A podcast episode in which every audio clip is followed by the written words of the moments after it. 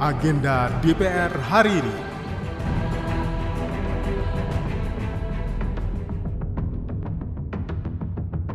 Halo apa kabar? Saya Tiara Mustika kembali mengajak Anda mencermati agenda kerja Wakil Rakyat hari ini, Kamis 26 Januari 2023. Di jam 9 pagi, Komisi 5 akan melaksanakan audiensi dengan DPRD Kabupaten Baru Sulsel dengan agenda konsultasi terkait bantuan movable bridge pelabuhan.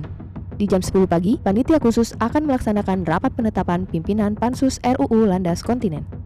Masih di jam yang sama, Pusat Pemantauan Pelaksanaan Undang-Undang atau Puspanlak akan melaksanakan uji material UU nomor 7 tahun 2017. Di jam setengah satu siang, Komisi 9 akan melaksanakan rapat kerja lanjutan dengan Menteri Kesehatan.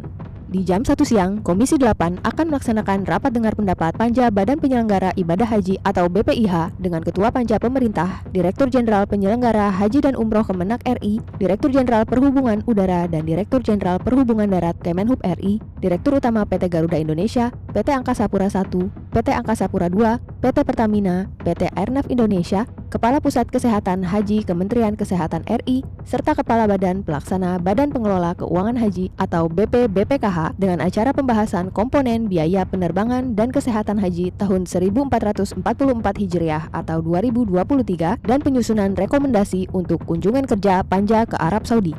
Demikian agenda DPR RI hari ini. Simak dan ikuti terus kegiatan DPR RI dan dengarkan siaran langsungnya melalui website tvr.dpr.go.id/radio. Saya Tiara, sampai jumpa.